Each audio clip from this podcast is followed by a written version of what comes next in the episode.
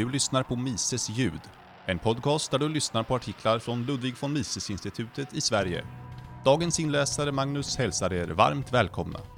Idag avhandlas tredje och sista delen av Hoppes tal, Realistisk libertarianism som högerlibertarianism.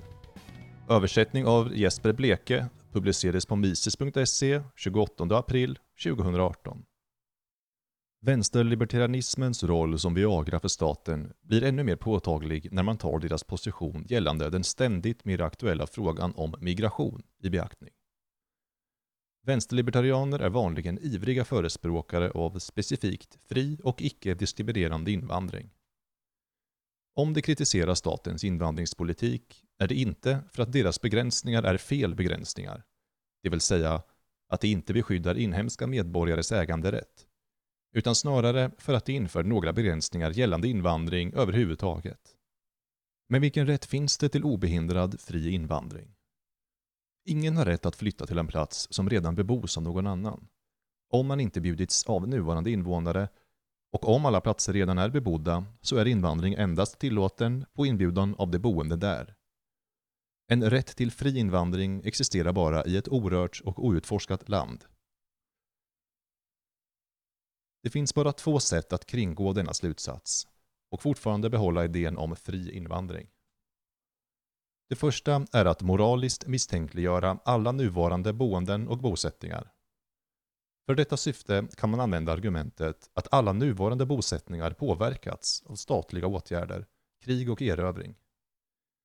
Så sant som det är sagt har staters gränser ritats upp och ritats om.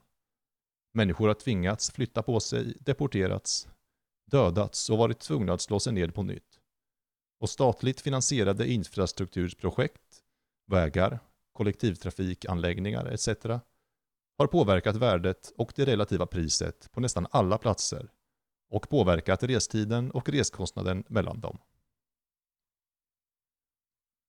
Men som jag redan förklarat i en annan kontext betyder inte detta obestridliga faktum att någon som bor på en plats idag har rätt att migrera till någon annan plats.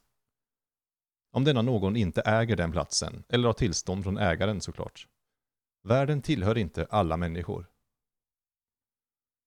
Det andra möjliga sättet är att hävda att all så kallad offentlig egendom, den egendom som kontrolleras av lokala, regionala eller centrala staten, är att likställa med det outforskade, med fri och obehindrad tillgång.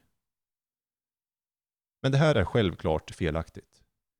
Det faktum att statlig egendom är illegitim på grund av att den baseras på tidigare exproprieringar betyder inte att den är oägd eller fri att ta sig för av. Den har finansierats av lokala, regionala eller federala skatteinbetalningar och det är det som har stått för betalningarna och ingen annan, som då är de legitima ägarna av all offentlig egendom. De kan inte utöva sin rätt. Den rätten har staten tillskansat sig. Men det är likväl de legitima ägarna. I en värld där alla platser är privatägda försvinner invandringsproblemet. Det finns ingen rätt till invandring.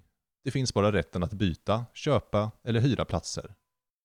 Men hur skulle det då bli med invandring i den verkliga världen, bestående av offentlig egendom som administreras av lokala, regionala eller centrala staters verkställande organ? Först och främst, hur skulle invandringspolitiken se ut om staten uppfyllde sitt syfte och förvaltade de egendomsägande skattebetalarnas offentliga egendom? Hur skulle det bli med invandringen om staten agerade på samma sätt som de styrande för en samfällighet med egendom som ägs och finansieras gemensamt av en bostadsrättsförening eller ett privat område? Det finns åtminstone rent principiellt ett tydligt svar. En förvaltares riktlinje gällande invandring skulle vara principen om full kostnad, som innebär att invandraren eller den boende som bjuder in invandraren bör betala hela kostnaden för invandrarens bruk av all gemensam egendom och gemensamma resurser under vistelsen. Invandrare får inte öka kostnaden för de boendes gemensamt finansierade egendom eller sänka kvaliteten på denna. Å andra sidan, om det är möjligt borde invandrares närvaro ge en vinst åt ägarna, antingen i form av lägre skatter eller avgifter, eller en högre kvalitet på samhällets gemensamma egendom, vilket skulle höja värdet på all omgivande egendom. Hur man applicerar fullkostnadsprincipen i detalj beror på de historiska omständigheterna och speciellt på trycket från invandringen. Om trycket är lågt kan tillträde till de offentliga vägarna vara helt oreglerat när det kommer till främlingar och alla kostnader associerade med invandrare absorberas av invånarna i förhoppning om att det ska gå med vinst. All diskriminering utöver detta skulle vara upp till individer. Detta är av en händelse ungefär så saker och ting fungerade i västvärlden fram till första världskriget. Men trots detta skulle generositeten gentemot invandrare troligen inte sträcka sig till användandet av offentliga sjukhus, skolor, universitet, bostäder, pooler, parker etc. Inträde skulle inte vara fritt för invandrare. Tvärtom skulle invandrare få betala ett högre pris för att nyttja dessa resurser än de inhemska boendeägarna, som finansierat dem för att kunna sänka det inhemska skattetrycket. Och om en tillfällig besökare velat bli permanent boende skulle han kunna förvänta sig att betala en inträdesavgift för att kompensera nuvarande boendeägare för den extra användningen av deras gemensamt ägda egendom. Å andra sidan, om det är ett högt tryck från invandring, som det för närvarande är i hela den västerländska, vita, heterosexuella, mansdominerade världen, kan det krävas mer restriktiva åtgärder för att uppnå samma ändamål. Det vill säga skyddade inhemska boende, ägarnas privata och gemensamma egendom. Man kan använda sig av identitetskontroller, inte bara vid tullar, utan på lokal nivå för att hålla kända kriminella och annat icke önskvärt slödder på avstånd. Och bortsett från de specifika restriktioner för besökare, som satt upp av individuella boendeägare för hur man vistas på privat egendom, kan det även finnas mer generella restriktioner för inträde på lokal nivå. Vissa särskilt attraktiva samhällen kan tänkas ta betalt av gäster vid varje inträde, förutom gäster som bjudits in av de boende. En betalning som sedan går till boendeägarna eller så kan det tänkas kräva en viss uppförandekod i förhållande till all gemensam egendom. Vissa samhällen kommer ha extremt höga krav och kräva bakgrundsinformation samt en hög inträdesavgift för alla personer som ansöker om ett permanent boendeägarskap, som fortfarande är fallet i vissa schweiziska samhällen. Men detta är såklart inte vad staten gör. De stater som har högst tryck på sig gällande invandring, nämligen Förenta Staterna och Västeuropa, bär ingen likhet med en förvaltare. De förhåller sig inte heller till fullkostnadsprincipen. Det ställer inte krav på invandrarna att betala eller ge er av. Tvärtom meddelar det att när du väl är här kan du stanna och använda inte bara alla vägar, utan i stort sett alla offentliga resurser och tjänster gratis eller till ett nedsatt pris, även om ni inte väljer att betala. De subventionerar alltså invandrare, eller snarare, de tvingar inhemska skattebetalare att betala för dem. Särskilt subventionerar de också inhemska arbetsgivare som importerar billigare arbetskraft eftersom sådana arbetsgivare delvis kan lägga över en del av kostnaden för anställningen på andra, då de utländska anställda nyttjar offentliga resurser och tjänster utan kostnad det vill säga de inhemska skattebetalarna.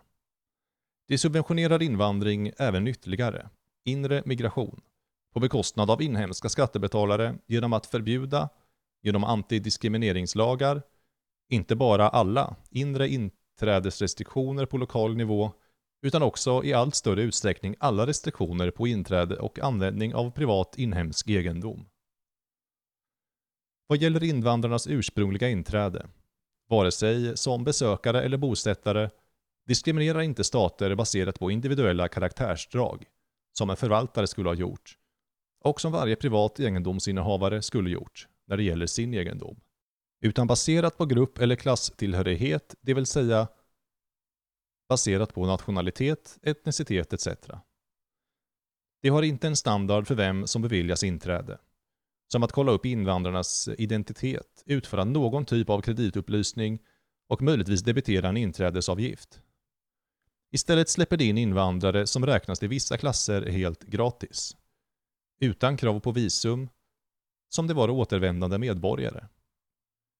På samma vis skulle man kunna säga att alla rumäner eller belgare, oberoende av sina individuella karaktärsdrag, vore fria att migrera till Tyskland eller Nederländerna och stannar där för att nyttja alla offentliga varor och resurser, även om de gör det på tyskarnas och holländarnas bekostnad, utan att betala för sig.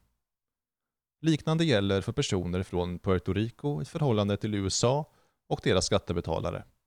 Och även för mexikaner, som i praktiken tillåts inträda i Förenta Staterna illegalt, som oinbjudna och oidentifierade inkräktare. Å andra sidan utsätts utlänningar tillhörande andra klasser för noggranna restriktioner.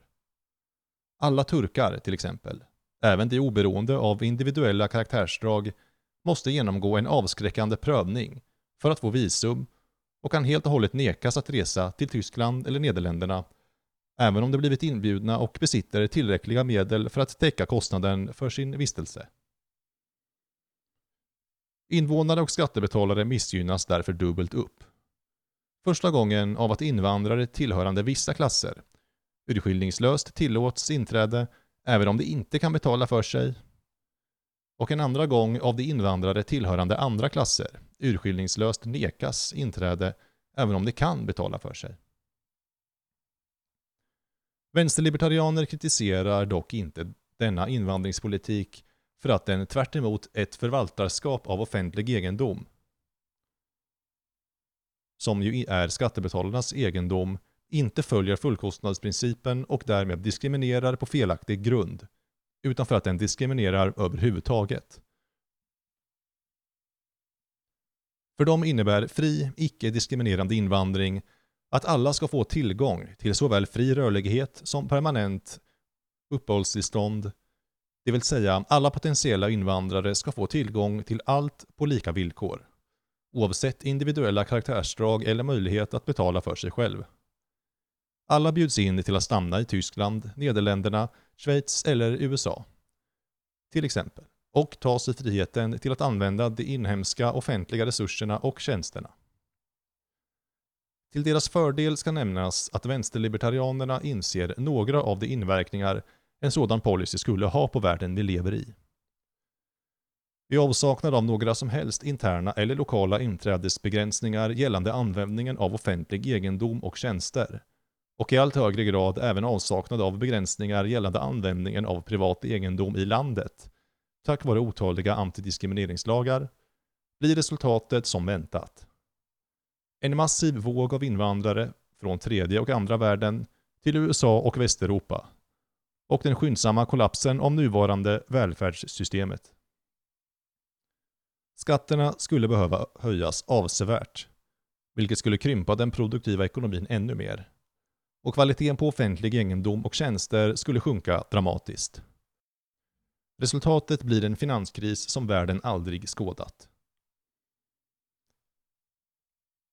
Så hur kan detta vara ett önskvärt mål för någon som kallar sig själv libertarian? Det skattefinansierade välfärdssystemet skulle mycket riktigt ryckas upp med roten.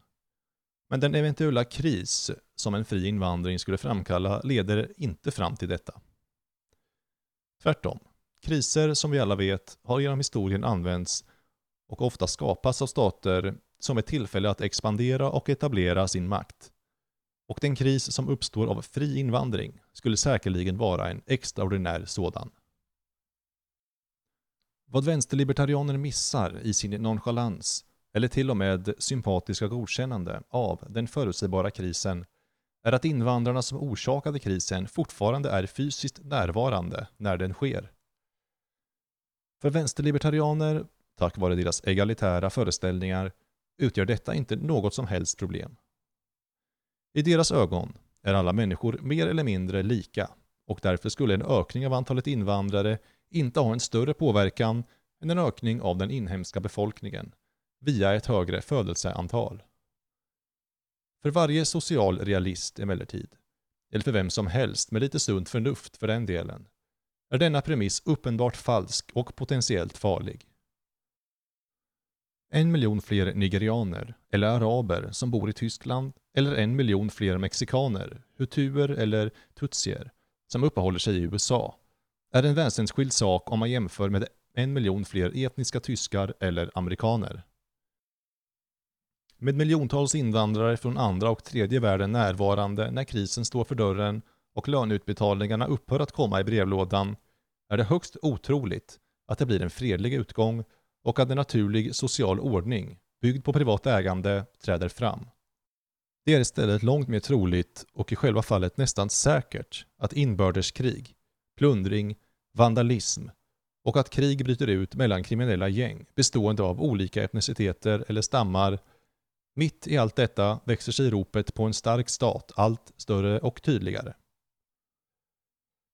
Så varför, kan man fråga sig, anammar inte staten vänsterlibertarianernas fria invandring och tar chansen som de fått av denna förutsägbara kris för att stärka sin egen makt? Genom dess antidiskrimineringspolitik och dess nuvarande invandringspolitik har staten redan gjort mycket för att splittra den inhemska befolkningen och utöka sin makt. En politik för fri invandring skulle ge ännu en stor dos av multikulturalism.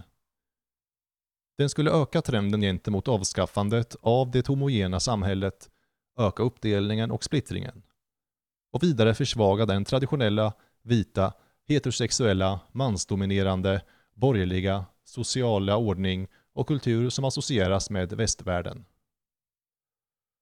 Svaret på varför inte framstår dock som förhållandevis simpelt. I motsats till vänsterlibertarianerna är den härskande eliten fortfarande realistisk nog att inse att förutom de stora möjligheterna för staten att växa skulle den förutsägbara krisen även medföra en oberäknelig risk och kunna leda till en samhällsomvälvning av sådana proportioner att de själva kan förlora makten och ersättas med andra, främmande eliter. Av den anledning fortsätter eliten gradvis, steg för steg, med siktet inställt på icke-diskriminerande mångkultur, samtidigt som det gläds åt vänsterlibertarianernas fria invandringspropaganda eftersom det hjälper staten att hålla sig på inslagen väg, söndra och härska och accelerera sina planer. I rak motsats till sitt eget anspråk på att vara antistatliga visar sig vänsterlibertarianernas märkliga teori om offer och förövare och krav på universell vänlighet och acceptans gentemot den långa bekanta listan av historiska offer, vilken särskilt innefattar alla främlingar och potentiella invandrare, vara framgångsreceptet för en växande statsmakt. Kulturmarxisterna vet om detta. Och det är den bakomliggande anledningen till att de antog samma teori och offerterminologi. Vänsterlibertarianerna verkar inte känna till detta och blir på så vis kulturmarxisternas nyttiga idioter. På väg mot totalitär kontroll över samhället.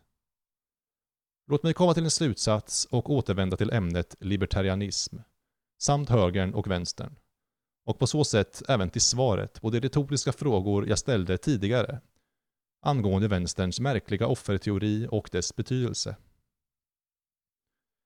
Man kan inte vara konsekvent och vänsterlibertarian eftersom den vänsterlibertarianska doktrinen, även om det inte är syftet med den, främjar en etatistisk, det vill säga icke-libertariansk agenda. Utifrån detta har många libertarianer dragit slutsatsen att libertarianism inte kan sägas vara vänster eller höger och istället valt att kalla det tunn libertarianism. Jag delar inte denna slutsats. Uppenbarligen gjorde inte Murray Rothbard det heller, då han avslutade det inledande citatet med orden “Men psykologiskt, sociologiskt och i praktiken fungerar det helt enkelt inte på det viset”. Jag ser mig själv sannoliken som en högerlibertarian. Eller om det faller bättre i smaken, en realistisk och förnuftig libertarian. Och en konsekvent sådan. Måhända att den libertarianska doktrinen, som en helt och hållet a priorisk och deduktiv teori, inte säger något om den politiska högerns eller vänsterns syn på förekomsten av, vidden av eller orsaken till ojämlikheter människor emellan. Det är en empirisk fråga. Men när det kommer till detta är vänstern orealistisk, har fel i sina antaganden och saknar vanligt sunt förnuft. Medan högern är realistisk, i stort sett korrekt och förnuftig. Det kan därför inte skada att applicera en helt korrekt a priorisk teori om hur man möjliggör fredligt samarbete mellan människor. På en realistisk, det vill säga i grund och botten högerifrån, beskrivning av världen vi lever i. Endast om man lutar sig mot korrekta empiriska slutsatser om människan är det möjligt att göra en korrekt bedömning gällande den praktiska implementationen av och hållbarheten hos en libertariansk samhällsordning. Realistiskt inser då en högerlibertarian inte enbart att fysiska och mentala förmågor fördelas ojämnt över alla individer inom ett samhälle och att samhället på så vis kännetecknas av otaliga ojämlikheter i form av social stratifiering och ett stort antal rangordningar efter framgång och auktoritet. Den inser även att sådana förmågor är ojämnt fördelade över alla olika samhällen som existerar sida vid sida på vår jord. Och som en följd av detta att världen som helhet kommer att kännetecknas av regionala och lokala ojämlikheter, skillnader, stratifiering och rangordningar. På samma sätt som individer skiljer sig från varandra gör samhällen också det.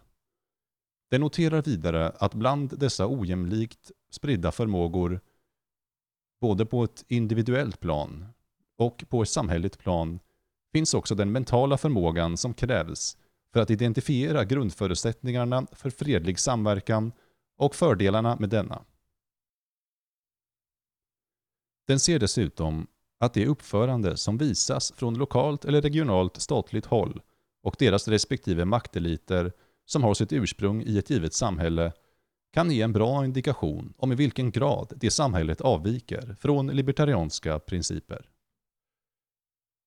För att vara mer specifik inser den att libertarianismen som ett intellektuellt system uppenbarligen uppstått och vidareutvecklats i västvärlden tack vare vita män i vita mansdominerade samhällen.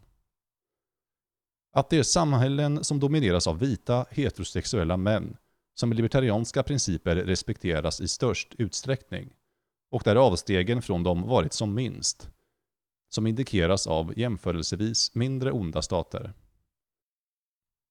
Att det är vita heterosexuella män som uppvisat störst uppfinningsrikedom, företagsamhet och ekonomisk kunnighet och att det är samhällen som domineras av vita heterosexuella män och i synnerhet de mest framgångsrika av dem som har producerat och ackumulerat störst kapital och åstadkommit högst levnadsstandard.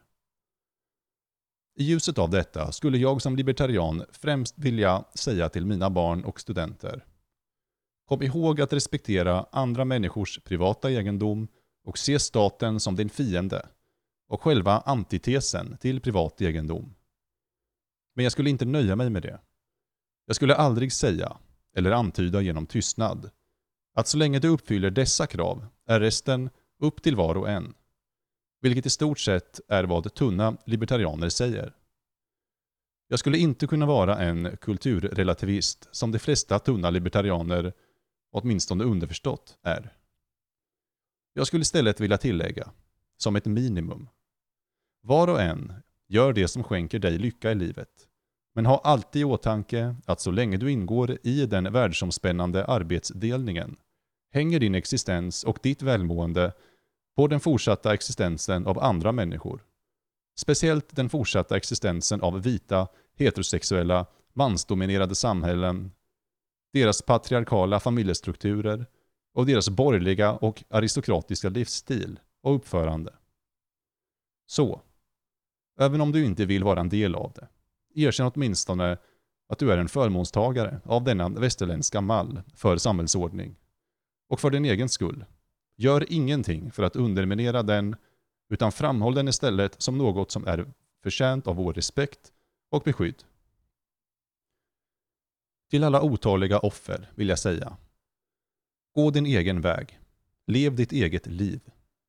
Så länge du gör det fredligt och inte kränker någon annans rätt till privat egendom. Om och i den utsträckning du ingår i den världsomspännande arbetsdelningen är du inte skyldig någon annan upprättelse och inte heller någon annan skyldig dig någon upprättelse. Din samvaro med dina påstådda förövare innebär en ömsesidig vinst för er båda. Men kom ihåg, Att medan förövarna kan leva utan dig, om än med något lägre levnadsstandard, kan du inte leva utan dem. Om förövarna försvann skulle hela din existens sättas på spel. På så vis. Även om du inte vill leva efter den vita mannens kultur bör du vara medveten om att det bara är genom deras fortsatta levande exempel som alla alternativa kulturer kan fortsätta leva med bibehållen levnadsstandard och att om denna modell skulle försvinna som resultatet av en gemensam världskultur skulle även existensen för många, om inte alla av dina medoffer, sättas på spel.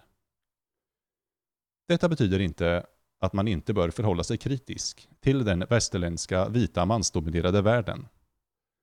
Även dessa samhällen har sina otaliga stater som är skyldiga till väldigt klandervärdiga gärningar och aggressioner. Inte bara mot de inhemska ägarna av egendom, utan även mot utländska. Men varken där du lever eller någon annanstans bör staten blandas ihop med eller misstas för folket. Det är inte den västerländska staten, utan den traditionella, normala, standard etc. livsstilen och beteendet som kännetecknar det västerländska folket, som redan är under attack från deras egna härskare i statens strävan efter totalitär kontroll över samhället, som förtjänar din respekt och som du är förmånstagare av.